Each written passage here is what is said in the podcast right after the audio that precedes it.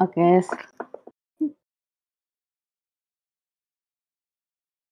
Uh, ya halo selamat malam semuanya.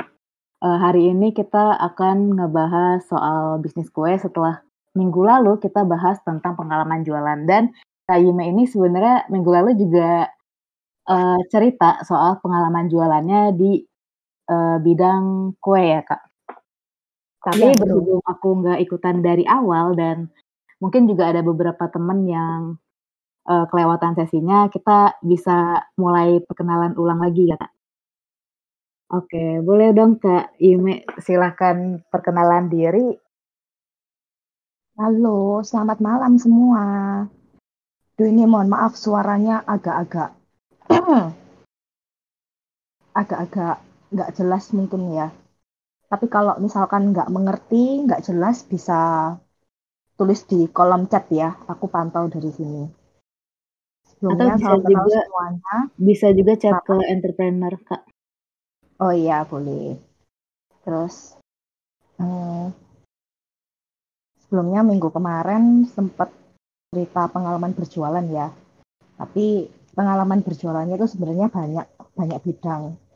Tapi uh, sekarang aku malah menggeluti bisnis di bidang kue. Nah, bisnis ini itu aku mulai pada saat pandemi. Jadi di awal Mei 2020. Begitu. Kenapa kok awalnya bisnis kue? Uh, pertamanya itu karena mau memang ada momen mau lebaran waktu itu. Nah, di sini kan kita kayak orang Indonesia itu kan suka kumpul-kumpul ya, nggak cuma orang Indonesia sih, orang mana pun itu kan kita pasti suka kumpul-kumpul. Nah, waktu kumpul-kumpul itu biasanya nggak selalu ada makanan berat, tetapi selalu ada makanan ringan di situ. Nah, di situ uh, kita tahu kalau market kue itu sebenarnya luas ya, kayak gitu. Terus kue sendiri juga ada berbagai macam jenis kan. Banyak banget pilihannya, uh, mulai dari kue kering, kue basah, jajanan pasar yang kita sering bahas kapan hari, terus cake, terus bisa aneka spiku-spiku kayak gitu. Nah, itu tapi semua itu kan uh, kebanyakan kebanyakan tuh kuenya itu yang nggak tahan lama kayak gitu loh. Yang kue yang tahan lama itu kan kue kering kayak gitu. Dan kebetulan aku memulainya startnya itu juga dari kue kering karena kalau lebaran itu kan pasti semuanya pada mencari nastar, putri salju, terus kastengels dan teman-temannya kayak gitu. Nah, kue kering ini juga enaknya adalah kita kan biasanya terbagi dua, dua kubu ya, ada kubu hmm. asin sama kubu yang manis, manis kayak gitu. Nah di kue kering tuh kayak semuanya tuh ada kayak gitu loh dan kayak setiap orang itu pasti punya kesukaan kue keringnya sendiri-sendiri kayak gitu. Ayo tuh apa itu namanya? Kalian tim apa? Tim asin atau tim manis nih? Aku asin. Masin ya, berarti sukanya kastengels yang keju-keju. Makanya aku kemarin pesan sagu keju. Sagu keju, tapi sagu keju itu dom, uh, sebenarnya ini manis gurih. Iya, benar. Kebanyakan kalau khas Indonesia itu manisnya ada, gurihnya ada. Kayak gitu. Oke, lanjut Kak. Nah, terus kan uh, tapi kendalanya adalah yang jual kue itu juga banyak. Ayo di sini apa ada yang kayak temen-temennya itu pasti punya lah temen atau kenalan atau siapa gitu yang mereka jualan kue. Entah itu donat lah, entah itu brownies lah, entah itu kue kering atau cake gitu itu pasti ada kayak gitu. Tetangganya kayak siapa kayak gitu. Dan uh, sekarang juga kendalanya sendiri itu kalau di bisnis kue adalah uh, orang itu sudah semakin sadar akan apa ya menjaga kesehatan gitu loh. kayak gitu. Sedangkan kan kita tahu kalau misalkan kue-kue itu selalu dicapnya adalah sebagai makanan yang jelek karena dia uh, tinggi karbohidrat, tinggi lemak, tinggi gula kayak gitu. Nah, tapi kenapa kok bisnis ini itu tetap bertahan kayak gitu? Karena apa? Karena ya itu tadi ada sisi kayak budaya, ada sisi nostalgia kayak gitu. Orang kalau udah beberapa generasi ini kayak gitu, uh, orang kalau misalkan lebaran pasti nyari, pasti itu harus ada. Udah kayak budaya gitu loh. Jadi demand-nya itu masih tetap ada. Cuman dari situ itu harus pinter-pinternya kita sebagai business owner untuk memahami apa ya uh, target target market kita gitu loh. Karena untuk sekarang kan teknologi udah makin maju, ilmu pengetahuan udah makin maju. Kita bisa kok rombak-rombak resep itu gimana supaya bikin kue kering tradisional itu juga lebih sehat, versi lebih sehat kayak gitu. Itu juga bisa kayak gitu. Jadi sebenarnya kue itu uh, gampang gitu loh. Uh, aku nggak bilang ini ya, maksudnya nggak semua orang bisa bikin kue pasti kayak gitu ada beberapa orang yang telaten ada beberapa yang enggak hmm. tapi sebenarnya bisnis ini tuh gampang dijalanin karena ya itu tadi karena banyak yang suka dan kita bisa sesuaikan dengan selera orang selera uh, target market kita itu seperti apa kayak gitu. Nah terus kenapa kok kue kering ya kalau aku? Itu karena kue kering itu yang aku pikirkan adalah aku tidak suka buang-buang makanan. Kayak gitu. Tapi kan kue kering kan dia tahan lama atau tahan lama asal disimpan dengan cara yang baik dan benar kayak gitu. Nah jadi kue ini itu sebenarnya uh, enaknya itu minim sampah panganan gitu loh. Karena ya itu tadi bisa disimpan lebih lama. Bisa kalau misalkan tanpa pengawet apa kayak gitu disimpan di kulkas juga mau sampai setengah tahun bisa. Kayak gitu. Cuman ya itu tadi kelemahannya itu kalau misalkan kita jualan kayak kue kering gitu ya itu kelemahannya tuh karena kue kering itu demandnya seasonal kayak cuma waktu lebaran imlek natal atau hari raya gitu. Tapi hari raya lain kayak idul adha gini ada sih cuma enggak banyak. Kayak gitu. Tapi ini yang aku bahas adalah kue kering yang uh, kayak ini ya, kayak kayak nastar dan sejenisnya lah, yang kue-kue jenis-jenis lebaran. Kayak gitu. Tapi kan sekarang udah ada banyak berbagai macam cookies gitu loh, cookies kue kering kayak famous Amos, kayak donut kayak gitu, yang lebih ke arah western gitu ya, kue kering Amerika kayak gitu. Itu itu sebenarnya kayak kenapa kok mereka sampai berani buka store? Mereka sampai apa itu namanya kayak istilahnya kan berjualannya kayak sepanjang tahun kayak gitu. Nah tapi di situ itu nggak semua orang tiap hari makan kue kering. Kayak kue kuenya mereka kayak gitu jadi pertumbuhannya pun sendiri juga juga nggak nggak bisa cepet kayak gitu loh. Jadi apalagi kalau bukanya, kalau dia salah target market, misalkan kayak dolet gitu, dolet itu harganya harga cookiesnya itu mahal. satunya sekitar berapa ya? Mahal dua puluh ribuan bahkan ada yang sampai sampai lima puluh ribu atau hampir lima puluh ribu gitu satu yeah. cookiesnya. Kayak gitu itu mereka cuma bisa buka di uh, mall-mall yang mahal atau daerah. Kayak kalau di Surabaya itu kita dia bukanya otomatis di daerah Pakuwon tempatnya orang-orang ini Crazy Rich Surabaya wis di situ.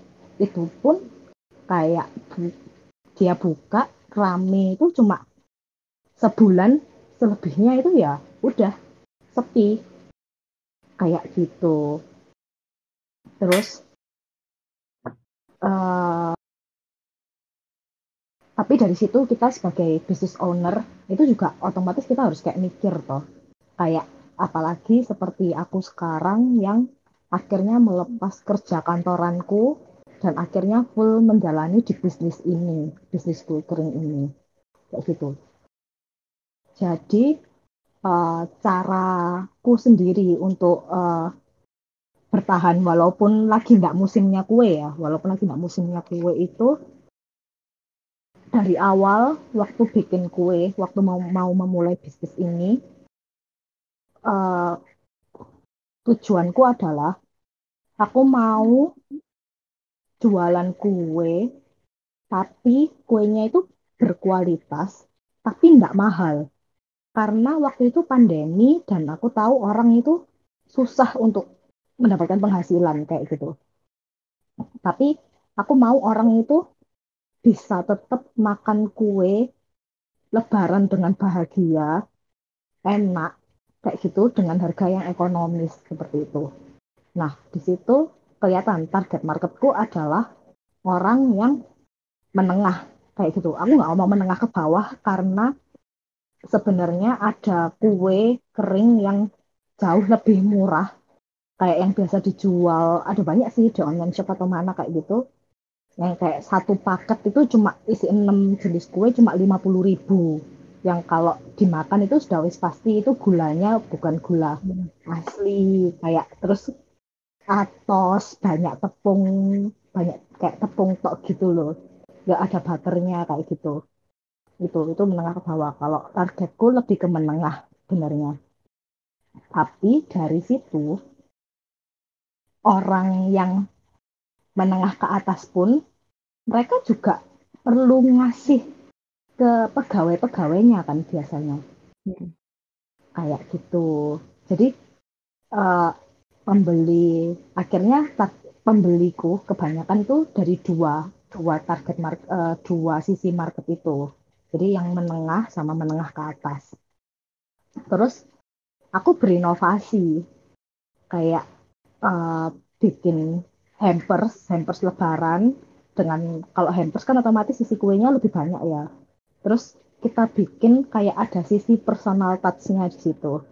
Jadi hmm, tentunya dengan packaging yang bagus, terus kita di situ kita kasih uh, personal touch kayak misalkan kalau yang beli itu perusahaan kayak gitu. Nanti kita bisa bikinkan desainnya untuk kartu ucapannya, untuk apanya kayak gitu. Itu kan sebuah nilai plus kayak kita kasih layanan lebih kayak gitu. Terus juga kita bisa ambil tren. Jadi uh, kayak dulu pernah ngetren nastar klepon kayak apa kayak gitu. Itu kita bisa ambil tuh bisa masuk dan juga pastinya kita kalau misalkan berjualan itu kita nggak bisa kayak apa ya kita harus bisa adaptif gitu loh. Adap, adaptif untuk uh, sekarang gini misalkan contoh kayak sekarang ini kan lagi nggak ada ya lagi nggak ada hari besar apa pun. Dari terakhir lebaran kemarin Idul Fitri itu nanti baru ada event lagi itu Natal. Nah selama jeda ini itu kan lumayan panjang ya. Ada uh, setengah tahun lah. Setengah tahun lebih itu. Nah di jeda ini tuh kita harus ngapain? Kayak gitu. Kita terus akhirnya uh, sebagai business owner aku juga mikir otomatis harus berpikir ini gimana caranya ya supaya aku tetap bisnisku ini tetap jalan tetap bisa mendapatkan penghasilan kayak gitu. Nah sekarang event kan sudah mulai boleh ya kayak sudah boleh pertunangan sudah boleh nikah kayak gitu kita bikinlah jualan uh, ngasih penawaran untuk ke penyedia hampers-hampers kayak gitu. Boleh nggak aku kalau aku punya produk ini kayak gitu, bisa kamu jadikan ini untuk isi hantaran hantaran pertunangan, hantaran pernikahan seperti itu. Terus akhirnya dari situ ya puji Tuhan lumayan sih. Kayak kalau orang bahkan satu pasangan nih, satu pasangan itu mereka souvenir bisa kayak 300 kayak gitu. Meskipun 300 toples itu tapi mereka kan pasti kayak kecil-kecil gitu tuh ukurannya. Tapi kan ya lumayan daripada tidak ada sama sekali kayak gitu loh. Dan lama kelamaan itu juga berkembang dan itu juga bisa jadi hmm, marketing kita. Kita komunikasiin aja sama apa ini namanya? Vendor. vendor souvenirnya itu. Boleh hmm. nggak kita kasih ini apa itu namanya kayak stiker kecil gitu? Cookiesnya itu dari misalkan brandku kue Yime kayak gitu. Nomor teleponnya atau Instagramnya apa kayak gitu. Kalau dia mengizinkan puji Tuhan. Kalau misalkan enggak ya wes kayak gitu. Yang penting kan tetap masih dapat apa ya tetap dapat uh, kerjasama gitu loh hmm, jadi gitu. souvenirnya ini dalam bentuk kue toplesan kak? Biasanya itu kalau uh, Chinese ya. Chinese itu hantaran hantaran uh, pertunangannya itu ada cookies terus buah sama lagi ya kayak kue-kue tradisional gitu loh kayak Mari Wijen, coklat kayak gitu tapi pasti ada cookiesnya kayak gitu. Hmm, oke okay, oke. Okay. uh, eh, tadi tadi kan ke Imi sempat mention ya kalau misalnya uh, harus sampai lepas kerjaan kantoran gitu. Sebelumnya kerjaannya apa kak? Kalau boleh tahu. Sebelumnya aku di financial consultant. Udah senior financial consultant lima tahun jabatan udah oke. Okay. terus sebenarnya aku proses proses untuk pindah ke jadi perusahaan sebelumnya tempatku kerja ini dia bikin kalau kalian tahu GoTrade mm -hmm. nah itu itu ownernya aku kenal bosku yang mm. lama gitu terus dia mau tarik aku ke GoTrade cuma harus berkantor di Malaysia waktu itu waktu masih awal-awal GoTrade ya GoTrade-nya hmm. masih baru soft launching kayak gitu tapi aku lepas itu terus waktu uh, itu kenapa memutuskan untuk uh, langsung ya udah akhirnya bisnis aja gitu Kak? Karena sudah lelah ikut kerja sama orang gitu loh kayak waktu itu aku merasa aku jadi financial consultant itu klienku kalau apa klienku tambah kaya akunya segitu-segitu aja aku mau apa ya intinya mau mendapatkan yang lebih kayak gitu dan sudah jenuh sih. Karena lima tahun itu kayak sudah ngeliatin harga harga-harga apanya namanya um, mata uang dunia bla bla bla ngikutin harus dan waktu itu kerjaanku harus kayak ngikutin update market dari Amerika dari Eropa kayak gitu-gitu. Dan stres sih sebenarnya sampai nggak uh, bagus juga untuk kesehatanku waktu itu. Oh, seperti itu. Jadi kayak oh. dengan berbagai pertimbangan akhirnya aku memutuskan untuk apalagi pandemi. Pandemi itu kan WFH ya.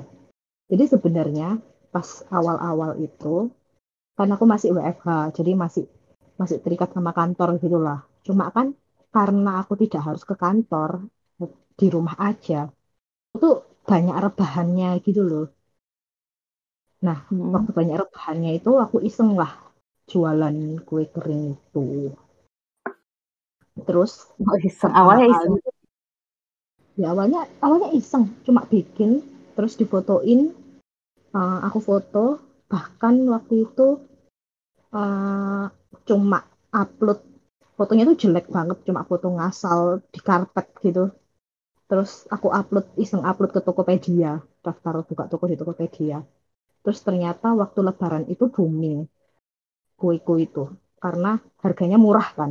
Hargaku murah dan uh, menurut testi testimoni testimoni pembeli mereka banyak yang cocok. Terus uh, apa ini namanya? Karena di Tokopedia itu itu kan bisa dilihat sama siapa saja kayak gitu. Mau di mana pun calon pembeli itu posisinya berada dan akhirnya waktu itu sempat dapat um, ada seseorang yang chat chat di Tokopedia itu. Dia si ini ini ini misalkan dia siapa kayak gitu. Pokoknya petinggi negara lah kayak gitu. Terus dia mau beli dalam jumlah besar kayak gitu. Nah, terus kan pertamanya aku kira ah ini tipu-tipu. Kayak gitu toh. Ah ini paling bohongan. Kayak gitu. Terus uh, aku tapi waktu itu tetap aku balas dengan profesional dengan ramah. Aku arahkan untuk ke WhatsApp kalau pembelian jumlah besar kayak gitu. Waktu itu kirimnya ke Kalimantan. Terus uh, di WhatsApp itu aku kasih harga harga kalau kalau grosir kalau di atas pembelian 30 toples kayak gitu misalkan aku pasti kasih dia potongan dong kayak gitu. Terus sudah ngomong price list bla bla bla. Terus dia order segini segini segini. Pokoknya waktu itu totalnya 300 toples lah. Kayak gitu. Terus otomatis aku minta DP dong. Minta DP dan pelunasan hamin dua. Karena aku takut kan masih masih kayak nggak yakin kalau ini tuh order beneran kayak gitu loh. Dan ternyata itu order beneran dan sampai sekarang dia masih jadi misalnya kayak reseller gitu loh. Jadi dia itu sebenarnya istri istri Kapolres gitu. Bukan istri Kapolres Kapolres Kapolsek ya. Pokoknya lumayan lumayan pejabat gitulah di Kalimantan. Terus dia akhirnya jualan kue keringku di situ. Yang beli ya apa itu namanya? Dijual-jualin ke uh, bawahan-bawahannya gitu sama ibu-ibu hmm. bayangkari begitu. Dan itu hmm. hubungannya baik sampai sekarang. Nah terbuka jalannya itu di situ sih. Hmm. kayak yang bikin jadi apa ya? Bikin jadi semangat sebetulnya awalnya itu. Keren ya awalnya cuma jualan iseng pas lagi awal pandemi WFH ya? WFH WFH benar. Waktu itu lagi WFH terus jualan kue. Nah mungkin dari teman-teman kalau misalnya ada yang mau iseng-iseng jualan kue dan mau mulai bisnis, bisa ikutan tuh webinarnya Growth Space yang pengum yang infonya bisa dilihat di pengumuman gitu. Nah, terus Kak, kalau misalnya uh, setelah itu apakah kuenya Kak Yime jadi dipromosikan oleh uh, orang Kalimantan itu kah? Uh, jadi orang Kalimantan itu dia minta dikirim tanpa brand. Dia oh. bikin brand sendiri. Hmm, sampai bikin brand sendiri. Di rebranding dong. Di rebranding. Ya it's okay lah. As long dia ngambilnya tetap di aku kan. Kayak situ. Dan itu pun juga sebenarnya kasihan karena ternyata di Kalimantan itu cukup booming waktu itu. Terus uh, waktu Natal Natal 2021 itu dia ambil lagi order lagi sekitar karena mungkin dipikir Natal nggak terlalu kan ya di Kalimantan. Kayak gitu dia cuma ambil 400 toples cuma 100 lebih banyak kayak gitu. Terus tiba-tiba dia butuh lagi sekitar 300 tapi waktu itu aku sudah tidak bisa. Sudah hmm. full kayak gitu. Terus apa yes, uh, saya bilang kan ibu ibu kalau misalkan mau coba cari di tempat lain, misalkan kayak uh, ngambil kue di orang lain, saya enggak apa-apa loh. Soalnya kan eman toh rezeki ini dia kayak gitu loh. Jadi saya, saya mohon maaf saya enggak bisa. Kalau misalkan harus karena kan juga ada waktu tempuh ya, waktu kirim gitu loh. Enggak setiap hari ada kapal dari Surabaya ke Kalimantan kan. Waktu itu. Jadi kayak sekitar butuh satu minggu lah untuk kirim. Nah, tapi uh, kalau nggak enaknya juga kalau deket-deket Natal atau deket-deket hari raya itu ada libur kan ekspedisi hmm. sudah nggak boleh kirim barang nah, kendalanya itu di situ jadi hmm. waktu proses pengerjaannya mepet sudah nggak bisa kayak gitu ya mohon maaf berarti awal dapat kliennya juga dari Tokopedia ya Uh, enggak juga sih. Uh, Tokopedia ada 30 persen. Hmm, yang Kalimantan, yang rebranding ini dari mana kak? Kalimantan. Uh, yang rebranding kueku sekarang itu ada dari Kalimantan, ada dari Maluku, sama ada dari uh, aku lupa di Riau, kepulauan apa sih? Pokoknya ada lah di Riau itu juga ada. Aku lupa namanya apa. Nah, mereka bisa ketemu sama kuenya Kayime tuh gimana ceritanya? Itu kalau yang luar pulau itu kebanyakan di Tokopedia. Hmm, gitu. Tapi kan itu cuma cuma 30% lah. 70% itu ya dari Surabaya sini. Sama dari Bali ya. uh, calon mertua sendiri. Dulu pas sebelum mau iseng-iseng jualan kue nih dan upload ke Tokopedia, Kak Ima ini dulu nggak sih riset, uh, apa aja yang harus dibutuhin buat ngirim barang ini ke luar kota? Sebelum jadi gini, dari awal kan aku suka bikin kue toh. Memang hmm. aku suka bikin kue, tapi aku tuh kalau bikin kue tahu sendiri toh kalau harus banyak gitu loh jadinya tuh banyak yeah. jadi aku tuh banyak kasih kasih ke orang kayak gitu terus aku kasih ke apa ini namanya ke pacarku yang sekarang ini terus dia bilang kuemu ini potensial loh dia mulai gitu loh terus coba lah jualan kayak gitu nah sebelumnya uh, pacarku jadi mamaku ada usaha spare part ini spare part mobil distrik gitu. Terus karena pandemi uh, pas mulai ada covid itu bulan apa ya aku lupa bulan Maret kalau nggak salah hmm. itu tuh itu tuh langsung nggak boleh ke kantor apa kayak gitu kan nah toko mamaku ini kan nggak boleh ini juga nggak boleh buka kayak gitu. Akhirnya aku minta tolong pacarku ini buat jualin toko barang toko mamaku di Tokopedia pertamanya kayak gitu. Hmm. terus terus akhirnya uh, mau lebaran mau lebaran hampir-hampir mau lebaran itu pacarku ngomong kamu nggak nyoba ini ta jual kue kering di Tokopedia kayak gitu. Ada loh sing jual kayak gitu. Terus lamanya tuh kayak duh susah lah nanti ngirimnya hancur remuk apa gitu toh drama. Terus apa itu namanya? Pertamanya dia bilang loh ya aktifin gojeknya aja. Jadi kan kita bisa pilih kalau di Tokopedia itu. Hmm. kita mau pengirimannya itu pakai apa? Ya harus pakai gojek toh ae gitu. Terus tapi ya biasa. Karena aku ini sebenarnya kayak kalau misalkan nggak ada niat itu maksudnya belum belum mikir ke sana gitu loh. Terus ya udah kayak gitu cuma tak dengerin kok. Tapi lama kelamaan tuh bosen kan. Pertama kali WFH itu kan seneng ya wen en hmm. apa enak nih iso berjalan sambil rebahan. Nggak usah siap-siap bangun pagi berangkat. Apalagi jarak rumahku ke kantor itu cukup jauh satu jam lebih untuk perjalanan gitu kan. Terus apa itu namanya habis gitu lama kelamaan bosen. Kayak pengen keluar tapi nggak bisa kayak gitu. Terus uh, apa ini? Otomatis klien baru pun juga susah dapet kan. Duh kok nggak ada duit bonus? Ini kerasa ya kayak gitu. Jadi ngelihat apa itu namanya? Ngelihat pemasukan turun tuh kayak hati ini gelisah gitu loh. Terus keinget keinget yang pacarku ngomong itu untuk jualan di Tokopedia. Dari situ aku baru lihat-lihat, baru apa ini namanya? Baru mencari gitu loh, mencari kepoin yang sudah lebih dulu berjualan. Dan waktu itu jujur tidak banyak. Dan ulasan itu masih bentuk foto foto aja, belum ada video.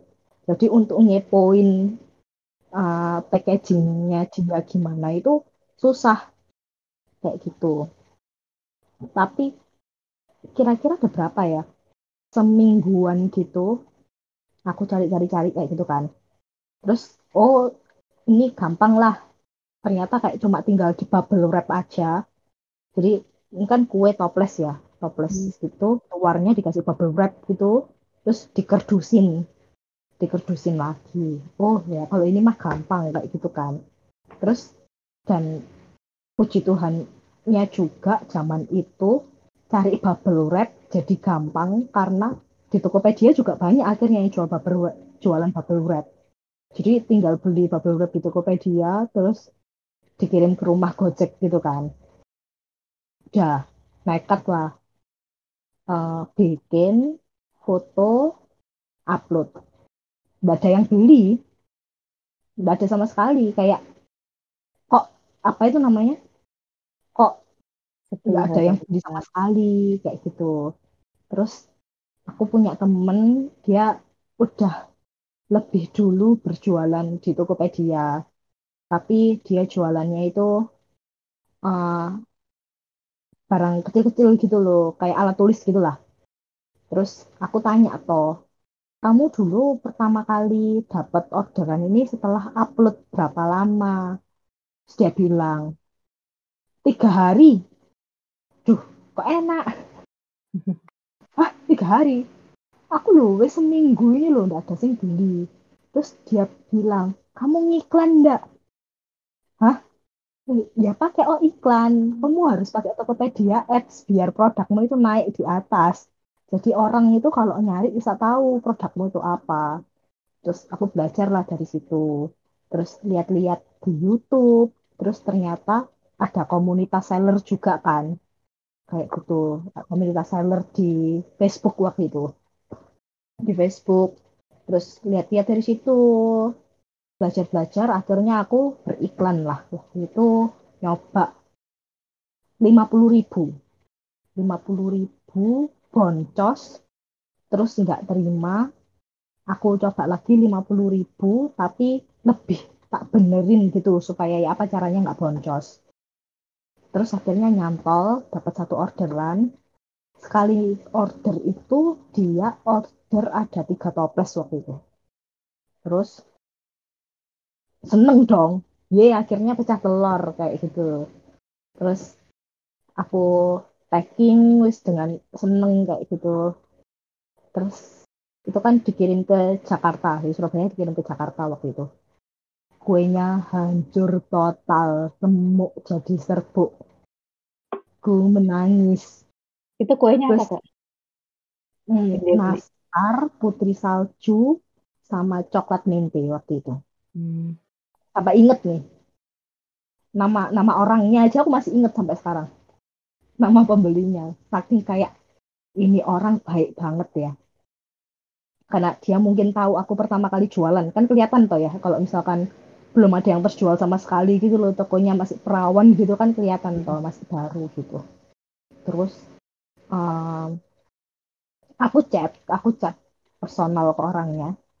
Aku bilang kak saya boleh minta data apa rekening bank atau nomor OVO-nya, saya mau kembalikan uangnya kayak gitu. Terus dia bilang, oh nggak usah, nggak apa-apa, kuenya enak kok, masih bisa dimakan. Ini apa ini aku makan tak sendokin. Dia bilang kayak gitu. Terus aku kayak nggak apa-apa kakak. Terus saya iya nggak apa-apa. Saya udah tahu kok resikonya kalau kirim dari luar kota. Kirimnya kayak gitu. Terus apa itu namanya? Tapi dari situ tuh sebenarnya sudah kayak hopeless gitu loh. Sudah kayak deg-degan soalnya kan takut toh ulasannya gimana kayak gitu. Ulasannya dikasih bintang 5 terus cuma di komen ulasannya cuma di komen. Apa kuenya enak banget harganya murah isinya banyak kayak gitu.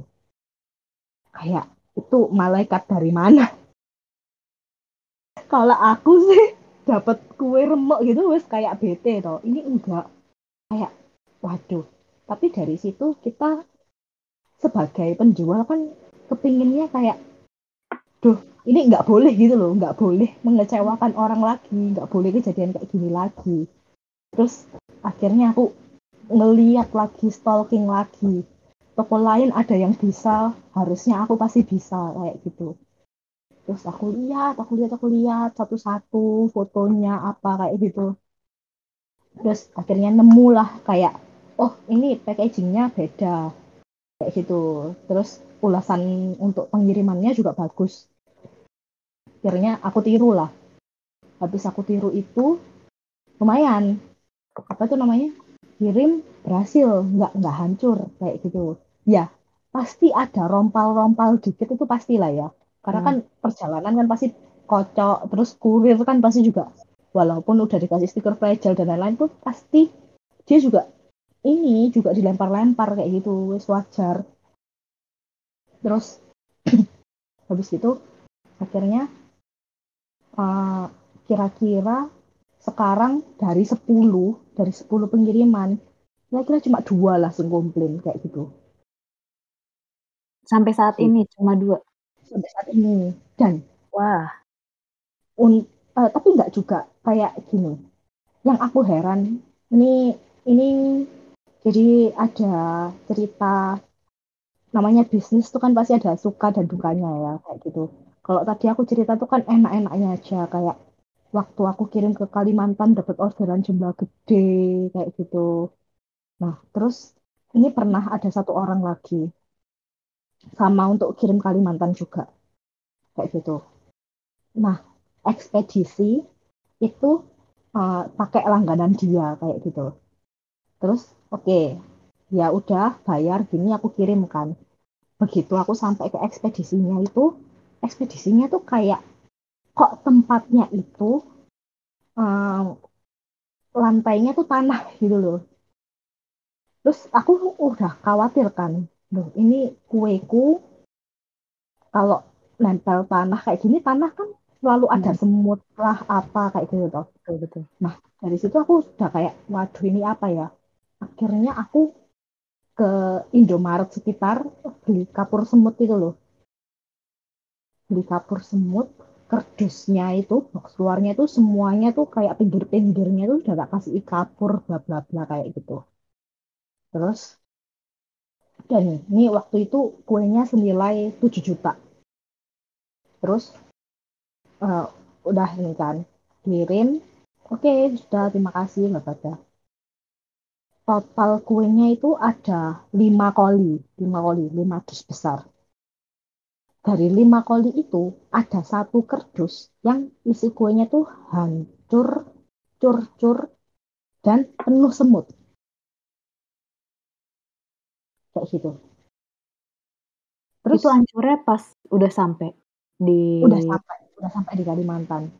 Nah tapi si pembeli ini itu kayak marah-marah ke aku bilang aku penipu bla bla bla padahal uh, ini udah SOP ku sih kalau aku mau kirim barang untuk yang uh, ekspedisi gitu dari proses pengemasan jadi di dalamnya itu aku kasih foto ini foto waktu top uh, kuenya kan toplesnya sudah kita bubble wrapping satu-satu ya. Hmm. Terus kita tata di kardus besar kayak gitu. Itu aku susun lagi tak tumpuk pakai styrofoam atau kardus kayak gitu. Nah, proses itu itu aku sudah kasih ke uh, pembelinya ini kayak gitu. Selama terus udah kan kayak oh ya oke okay, makasih kayak gitu aman kayak gitu. Nah, empat kardus lainnya itu itu aman kayak nggak apa-apa kayak gitu loh dia aku asumsikan nggak apa-apa karena dia nggak ada komplain dan nggak ada kirim video soal empat kerdus lainnya itu. Cuma satu kerdus ini aja yang dia itu komplain kayak gitu. Dan di video ini memang kayak banyak semut. Nah logikaku adalah kalau apa itu namanya? Ya namanya kue pecah kayak gitu. Kue pecah pasti semut yang rubung pasti banyak dong. Ya. Yeah kayak gitu. Kayak toples lah toples gula nggak usah gula kue lah. Kue kalau toplesnya nggak seret kebuka semut pasti bisa banyak masuk. Tapi kalau ketutup kan nggak bisa semut masuk kayak gitu. Terus aku bilang kayak e, sudah ditanyakan ke pihak ekspedisinya kah? Kayak gitu. Terus dia malah marah-marah. Aku ini sudah langganan berpuluh-puluh tahun sama ini tapi nggak pernah ada masalah ya. Aku kirim isi kebab apa gitu bla bla bla pokoknya aku dimarah-marahin dibilang penipu apa kayak gitu. Kamu pasti kirim barang kue yang udah rusak gitu bla bla bla. Kayak gitu. Nah padahal sebelumnya awalnya itu aku lihat, lihat baik kayak gitu loh. Ya siapa sih yang mau kayak gitu? Ya wis itu satu koli itu berapa berapa kue itu aku ganti separuh gitu loh. Aku refund ke DE separuh jadi anggapannya kayak resikonya itu dibagi kita berdua kayak gitu. Tapi karena aku dibilang penipu dari awal terus di ilok-ilok no dicaci maki kayak gitu aku akhirnya kayak oh ya udah. Kayak uh, aku tetap jawabnya tetap tetap sopan bahasanya. Terus oh dia dia maki-maki aku dia bilang kamu tuh harusnya kalau packingnya tuh pakai styrofoam tahu styrofoam yang besar itu loh yang biasa buat ikan. Box styrofoam es wawan apa ya ya apa yang ngomongnya? Box styrofoam ya biasa buat ngirim frozen food itu. Ya ya oh. ya kayak gitu. Dia bilang harusnya kamu pakai itu biar lebih aman gini gini bla bla bla. Loh kan waktu awal saya packing sudah tak kirim video nih foto nih apa kayak gitu dia apa sudah balas oke okay, terima kasih gitu kalau misalkan kamu request pakai kayak gitu loh pasti tak cariin kayak gitu. Terus aku di ilok-ilok apa kayak gitu terus ya udah kayak ya wis lah aku nggak jadi uh, mau ngasih istilahnya mau memberikan seteng menanggung setengah kerugian itulah. Anggapannya setengah kerugian itu uh, apa hati dan kupingku panas dengerin caci maki fitnah-fitnahmu itu gitu. Hmm, gitu. Terus pembeli rasa juga banyak kok tenang aja. Pembeli apa? Rasa oh pembeli rasa banyak. Uh, paling paling rese yang Imo, yang kayak mau inget yang kayak apa tuh? Yang tadi. Hmm. atau ada yang lebih? itu itu tadi itu aku kayak asumsikan kayak gini sih. Uh, mungkin dia emosi kan waktu itu. Kayak gitu. Aku lebih kayak ya udahlah mungkin kalau aku di posisi dia aku terima barang maksudnya ekspektasiku gimana terus aku dapatnya gimana kayak gitu ya pasti siapa sih nggak kesel. Tapi kan dia uh, melampiaskannya salah dengan uh, ngehina-hina kita ngomong kotor ke kita fitnah-fitnah kayak gitu tapi ya udahlah aku nggak mau ini sih nggak mau ambil pusing. Dan itu juga akhirnya jadi salah satu hmm, aku anggap kayak itu salah satu step untuk aku agar lebih baik kayak gitu. Jadi karena dia ngomong mention styrofoam itu akhirnya sekarang aku kirim pakai kardus kardus besar tebel itu. Hmm. tapi pinggirnya aku kasih styrofoam lembaran. Jadi kan itu kan dia harus kok ngaruh sih dibilang ngaruh nggak ngaruh tapi kayak menurutku secara logis ya oke itu lebih aman pasti.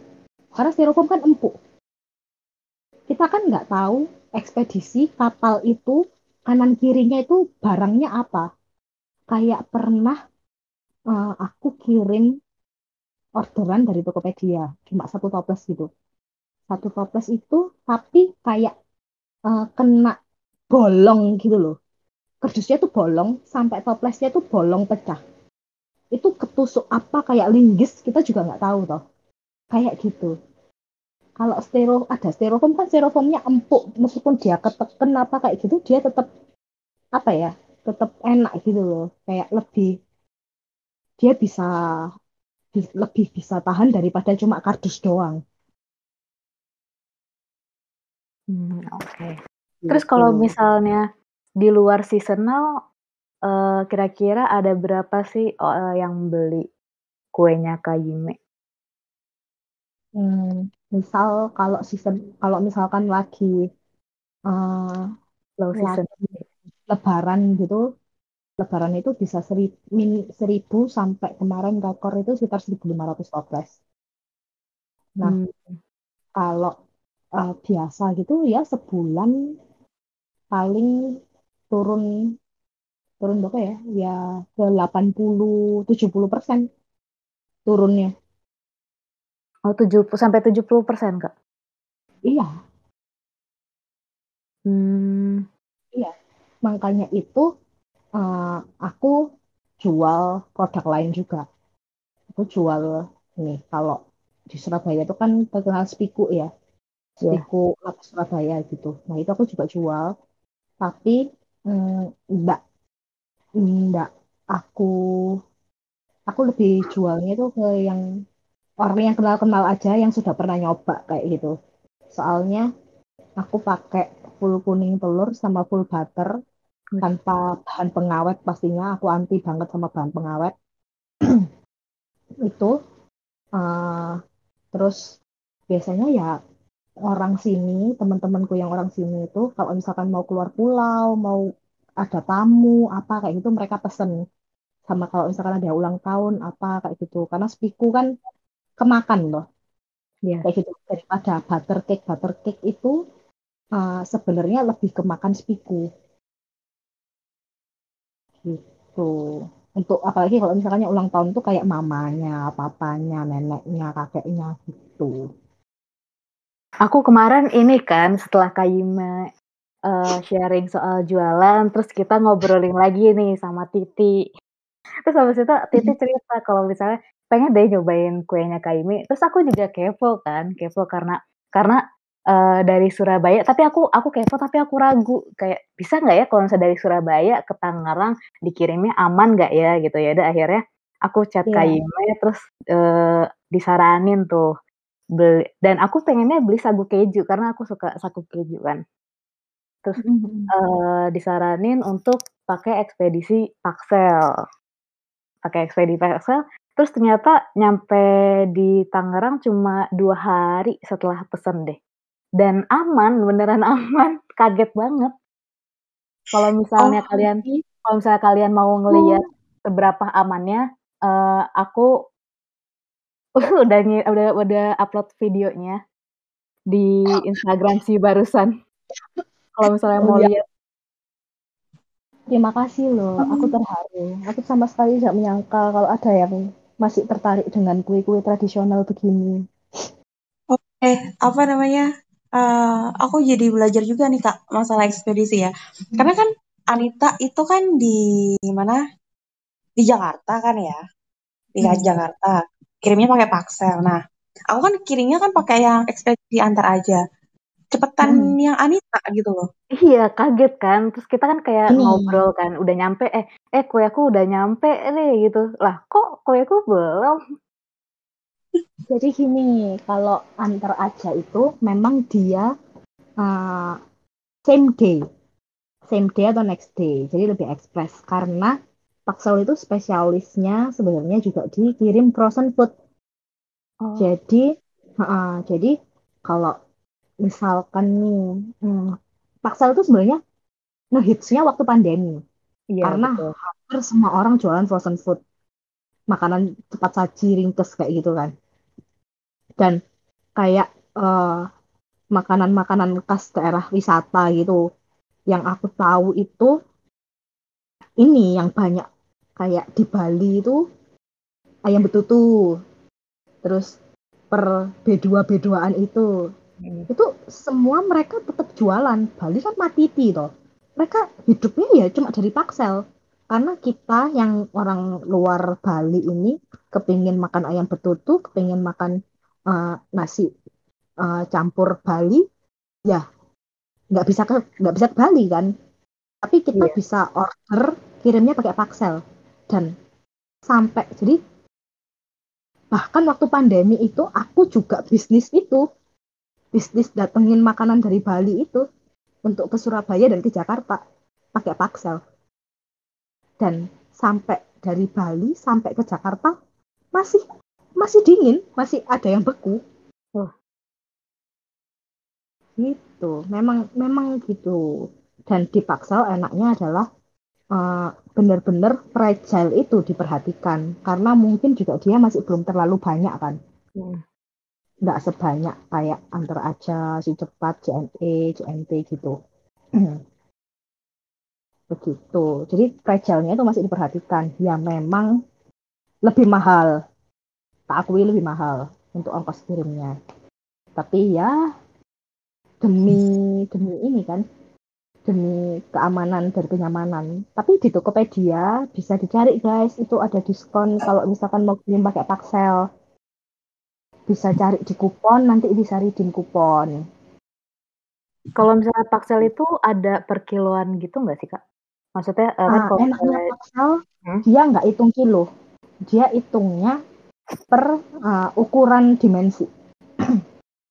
Jadi uh, ada dimensi small, terus uh, medium sama large kayak gitu. Dan uh, beratnya maksimal 5 kilo sih. Oh berarti kita yang tetap uh, setting ya berapa dimensinya untuk dikirim keluar.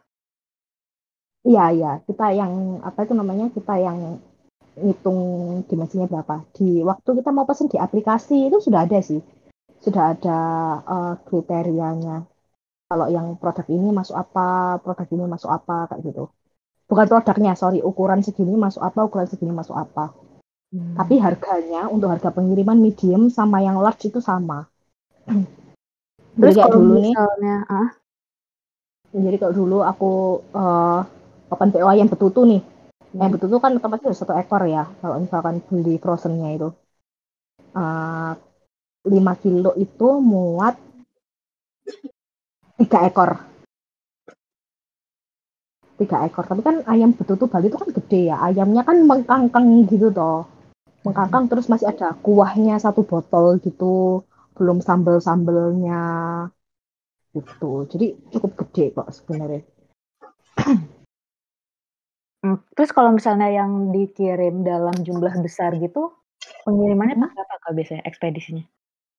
Uh, puji Tuhannya kan mama saya ini ya sudah biasa kirim ke Indonesia Timur lah.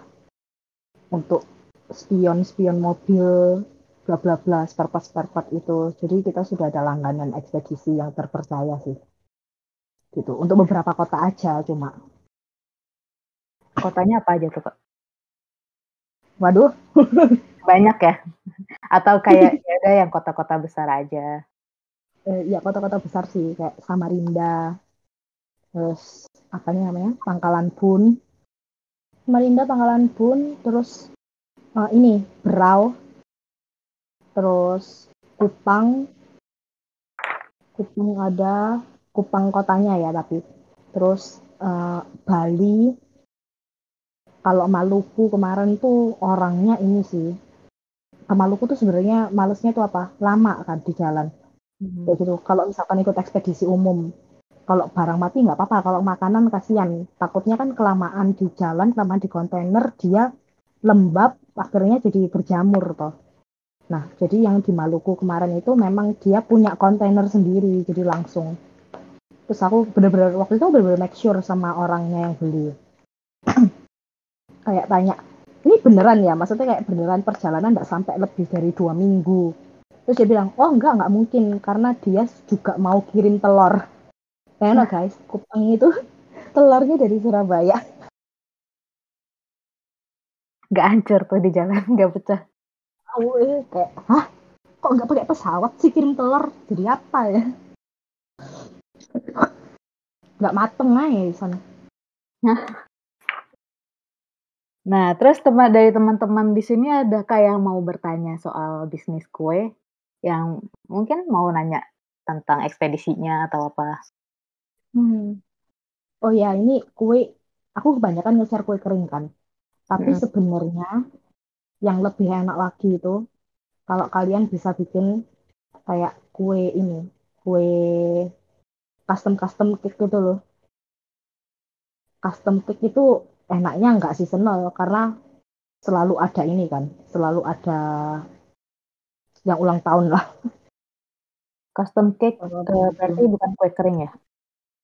Bukan cake cake cake cake roti biasa. cake apa ya ya cake biasa kue ulang tahun kayak gitu loh karena nah. sekarang itu hmm. trennya trennya itu Korean cake kan hmm. yang bentuk cake apa kayak gitu itu bisa sih diikutin dan bikin cake-nya itu sebenarnya enak loh kayak kita bisa bikin cake-nya itu dalam jumlah banyak disimpan di freezer kalau kue kering mana bisa disimpan di freezer cuma selai nanasnya tok sih bisa kalau kue cake dia biasanya berapa lama Kak di eh, uh, maksudnya ya berapa lama disimpan di kulkas?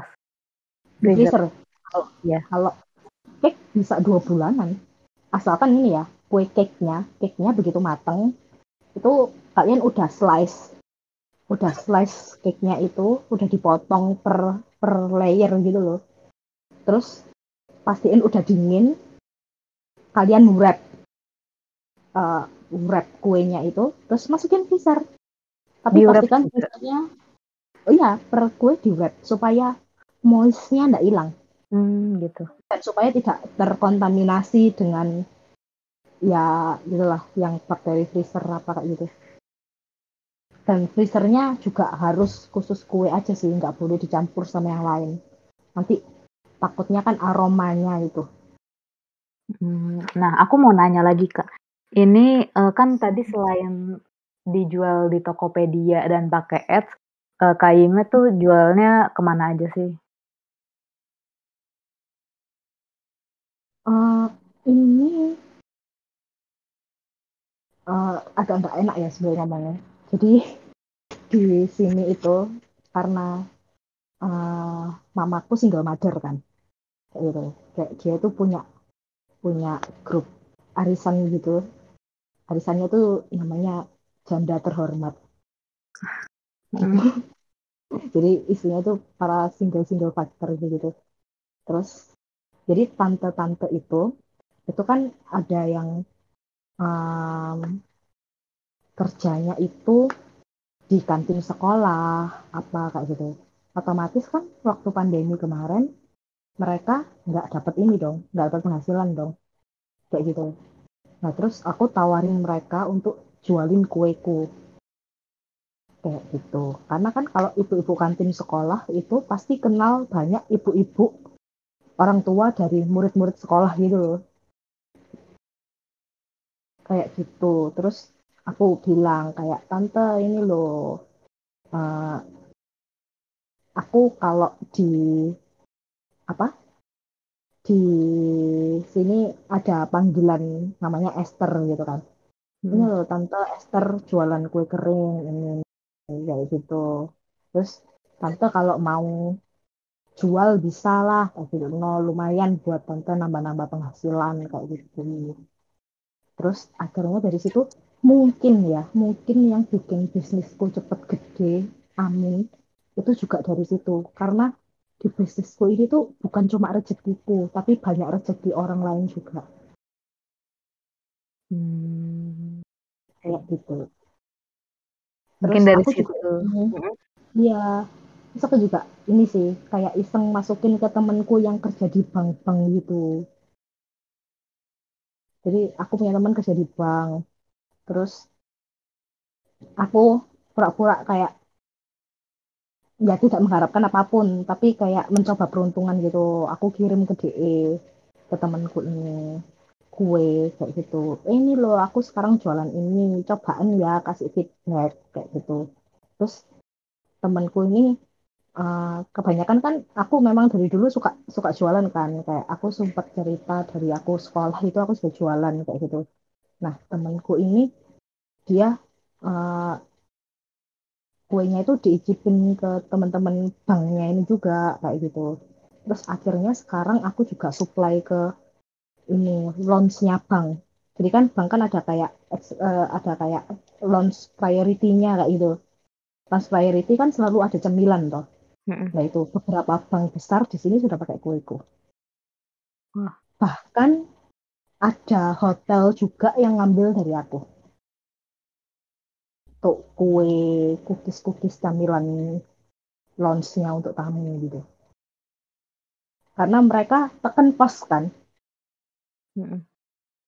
Daripada mereka hiring chef pastry, mending dia ambil di orang sudah jadi gitu.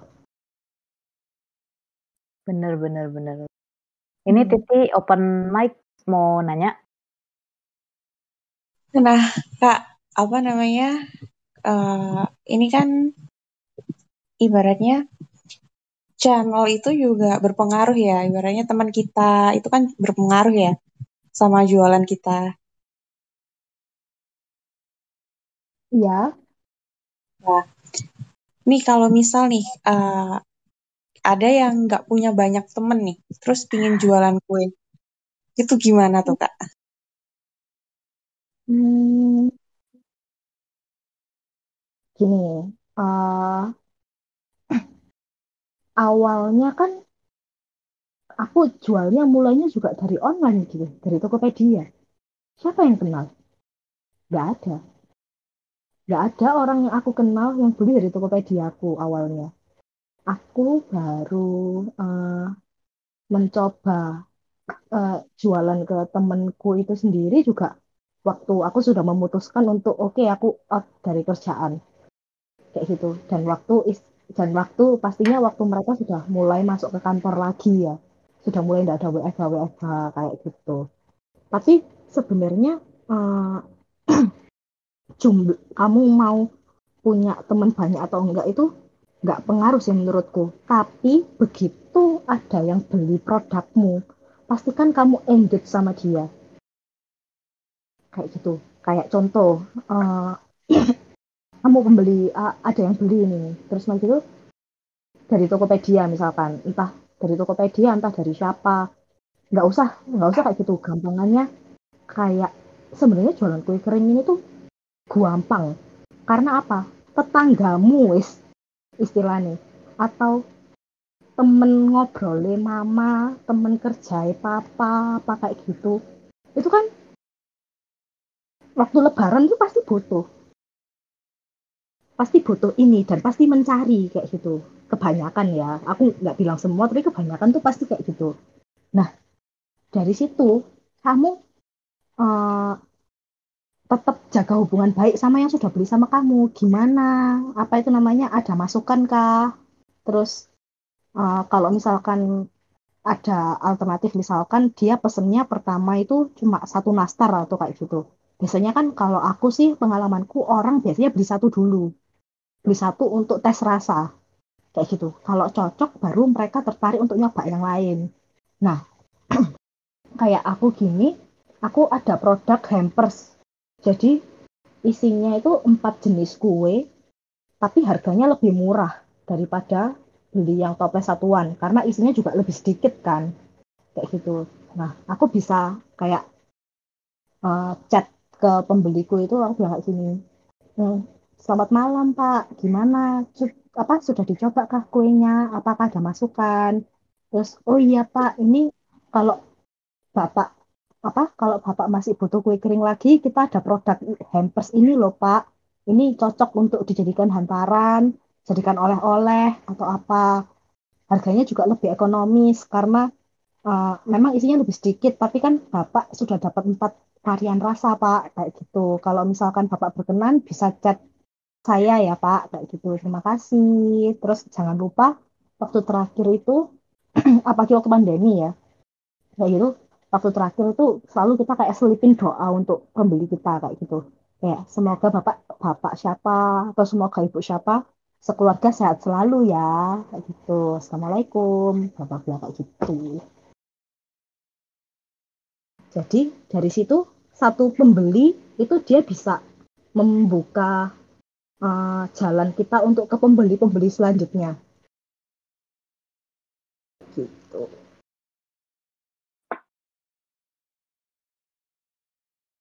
Sudah terjawab kah atau masih? Gimana? Oh, jadi apakah sudah terjawab? Hmm. oke oke sudah sudah. Oke itu, mungkin dari dari yang ya. terdekat lah. Dari yang terdekat dulu. Aku punya temen nih beneran. Punya temen itu waktu uh, apa ini namanya? Waktu lebaran ini dia malah beli toh. Dia beli berapa kayak gitu. Terus malah papanya yang jualan.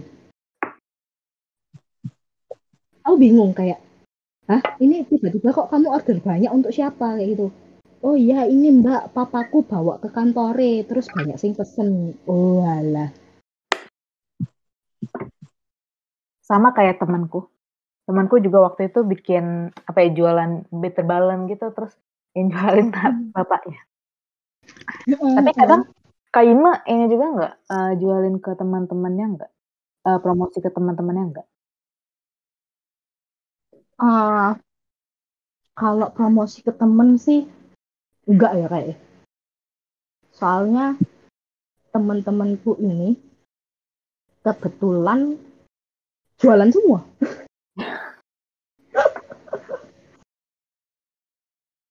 jualan semua kayak apa ya Ya karena kita satu ini kali ya, karena kita satu frekuensi. Jadi kita juga bingung. Ini ya kita ya lulus kuliah bareng, kerja sama orang bareng, terus keluar dari kerjaan bareng, sama-sama bikin usaha bareng. Kebanyakan gitu sih. Lu juga bingung. Kenapa ini?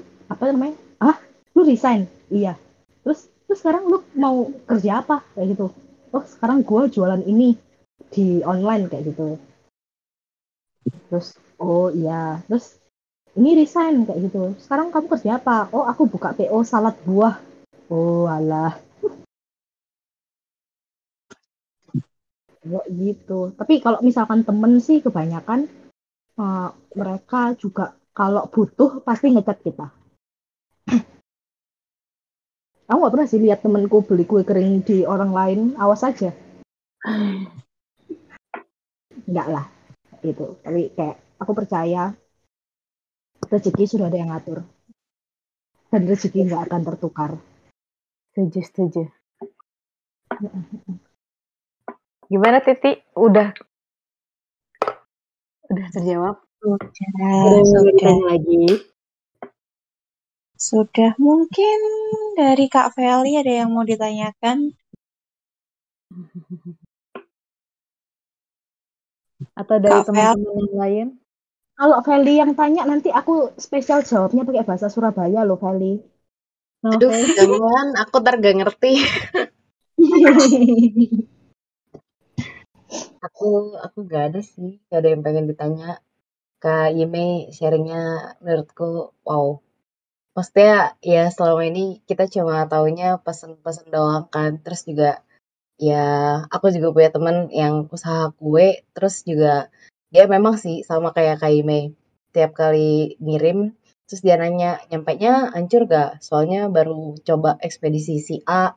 Terus kayak nanya feedbacknya. Jadi ya aku kayak oh iya temanku juga pernah nih ngakuin yang kayak Kaime lakuin jadi kayak oh ya baru ngah juga sih Ya, gitu. Jadi uh, sebenarnya ini nggak cuma di jualan kue ya. Kalian jualan apa pun, relationship penjual sama pembeli itu itu harus dijaga banget. Kayak gitu. Hmm. Karena apa? Kedekatan itu yang akan membuat mereka itu selalu ingat produk kita, selalu ingat kita, dan kalau dia butuh produk itu pasti larinya ke kita. Dan kalau dia sudah nyaman sama kita, dia tidak akan uh, kecil kemungkinan dia untuk pindah ke lain hati gitu loh, pindah ke pesaing kita kayak gitu. Meskipun produknya ini kelihatannya lebih lebih murah lah apa kayak gitu, tapi karena hubungannya sama kita sudah baik, sudah nyaman kayak gitu, mereka pasti akan tetap percaya sama kita. Dan kita juga sebagai penjual, apa pun itu ya, konteksnya dalam bisnis tuh harus selalu bisa menjaga integritas. Integritas kita harus jujur lah, itu pasti. Terus harus tepati janji dan komunikasi. Meskipun kayak contoh kalau di dunia perkuean ini agak ribetnya itu dari segi bahan ya. Dari segi bahan itu uh, sekarang yang aku alami adalah harga bahan ini naiknya itu nggak karu-karuan. Jadi misalkan contoh paling gampang blue band. Satu karton sebelum lebaran ya. Aku beli itu harganya 430 ribu kayak gitu begitu lebaran harganya tuh jadi 540 naiknya 100 ribu satu karton 15 kilo kayak gitu tapi kan uh, apa ini namanya yang naik juga nggak cuma blue aja hampir semua bahan tuh naik kayak gitu nah itu kita komunikasiin juga kalau misalkan ada perubahan perubahan harga yang harus kita ambil secara tiba-tiba kayak gitu. Uh, mohon maaf Pak, ini uh, ada perubahan harga ya untuk produk ini. Misalkan kita produknya apa kayak gitu. Soalnya memang bahannya apa gini naik, kita jelasin aja ngomong terang-terangan apa kayak gitu. Terus aku bahkan sama pembeliku aku belak-belakan. Tak fotoin selisih. Jadi kayak nota aku belanja kapan sama aku belanja kapan. Supaya dia bisa compare tapi aku cuma naikin harga kueku segini loh tak gitu loh kayak gitu ya tapi ini aku ya kayak gitu kalau misalkan yang lain prefer nggak mau share mereka harga anunya berapa kayak gitu ya udah go with it kayak gitu. Tapi istilahnya komunikasi kayak gitu tuh penting. Jangan kayak tiba-tiba apa nih dia mau order gini aku mau order ini ini bla bla bla kayak gitu. Terus begitu takutnya dia kaget loh kok naiknya segini? Padahal sebenarnya kita tuh naikin harganya tuh bertahap kayak gitu. Nah itulah.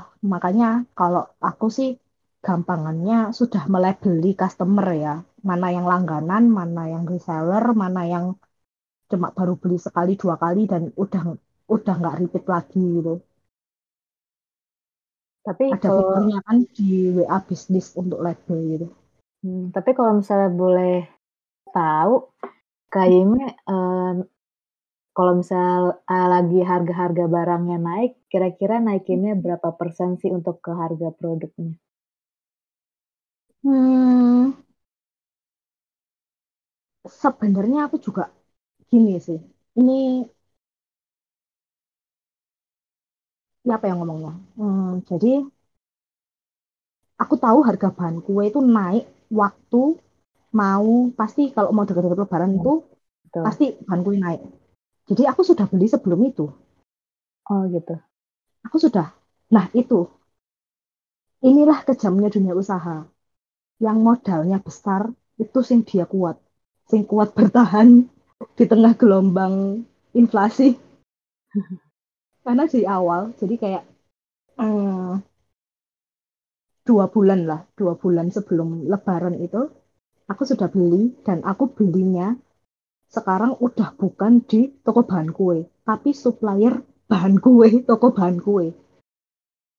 Jadi istilahnya aku ini mau buka toko bahan kue sekarang juga bisa. Hmm, gitu. Aku Nah, bener-bener cari dan carinya itu dari Tokopedia juga. Jadi kayak apa pun ya. Sekarang kan kita bisa cari di apa pun di Tokopedia, Shopee kayak gitu kan. Aku cari aja kayak Blue Band satu karton apa kayak gitu. Terus kita lihat, lihat, lihat, scroll, scroll, scroll, terus lihat, loh ini kok jual murah kayak gitu. Terus kita cek lah kayak e, ini harganya bener segini ya, tokonya di mana kayak gitu. Aku biasanya pasti tanya tokonya di mana. Terus uh, apa itu namanya? Aku datang ke sana. Aku datang itu ngelihat dia bukan toko bahan kue kayak gitu, kayak bentukannya kayak rumah, tapi banyak barang memang di situ. Tapi itu bukan toko. Terus aku iseng masuk kan. Ternyata itu supplier bahan, suppliernya toko bahan kue yang ngirim ke bahan-bahan toko-toko bahan kue di Jawa Timur. Kayak hoki gitu.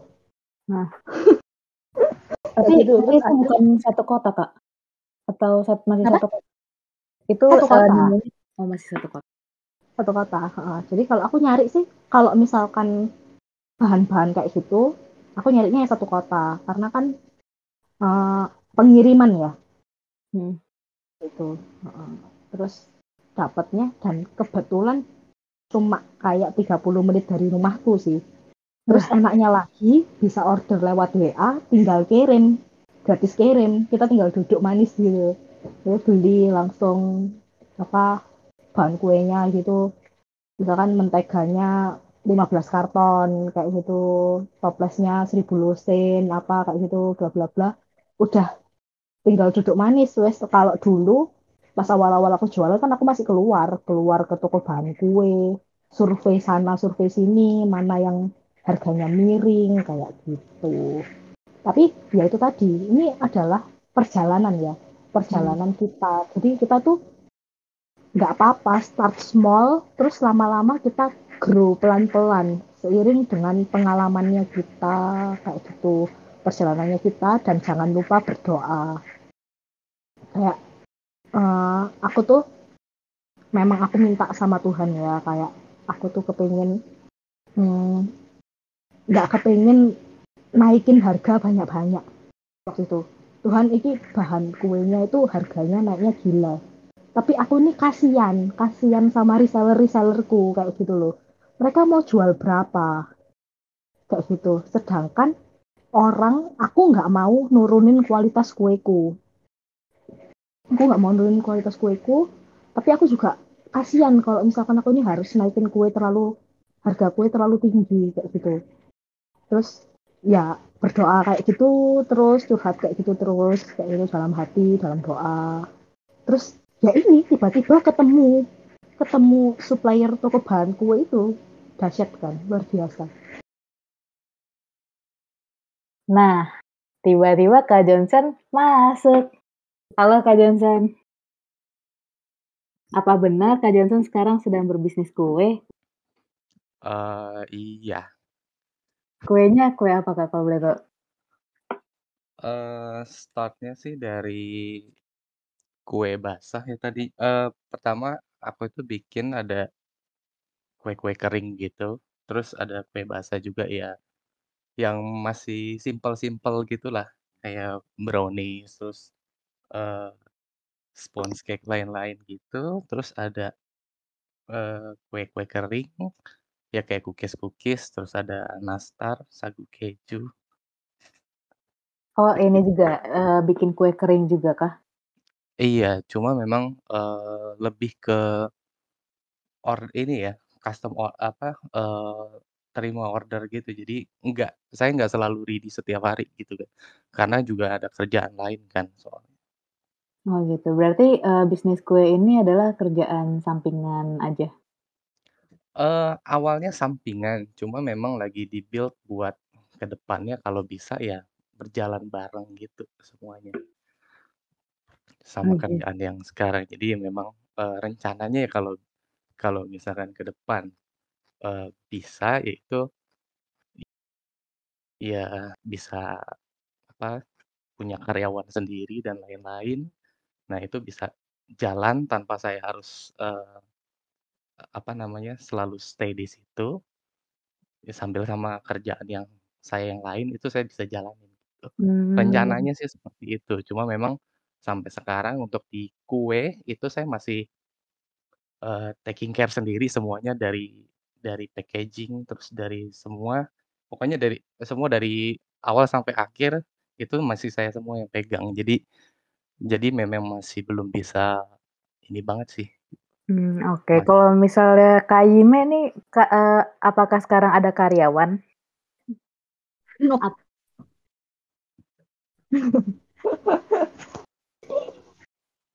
Cuman waktu lebaran, waktu Natal gitu, aku baru cari ini sih, baru cari, eee, istilahnya kayak pekerja serabutan gitu loh. Cuma untuk bantu-bantu nyetak-nyetak aja. Mmm, gitu. Baiklah, mungkin ini, eee, karena udah 1 jam dan abis ini kita ada sesi yoga bareng, bisa kita tuh pindah ke pos ronda, yang mau lanjut mungkin yang mau ngobrol, silahkan lanjut di meja hijau, yang mau ikutan yoga bareng Kak Riri dan Kak Juliana, bisa pindah ke eee, pos ronda, tapi nanti sih masih jam 9.00. Dipersilakan kalau misalnya yang mau ngobrol, ada yang mau nanya kah ke Kak Yime mungkin, di luar bisnis kue? Bisnis apa aja? Aku sudah pernah, guys. Mmm, mungkin, eee, next time. Jualan, apa ini nama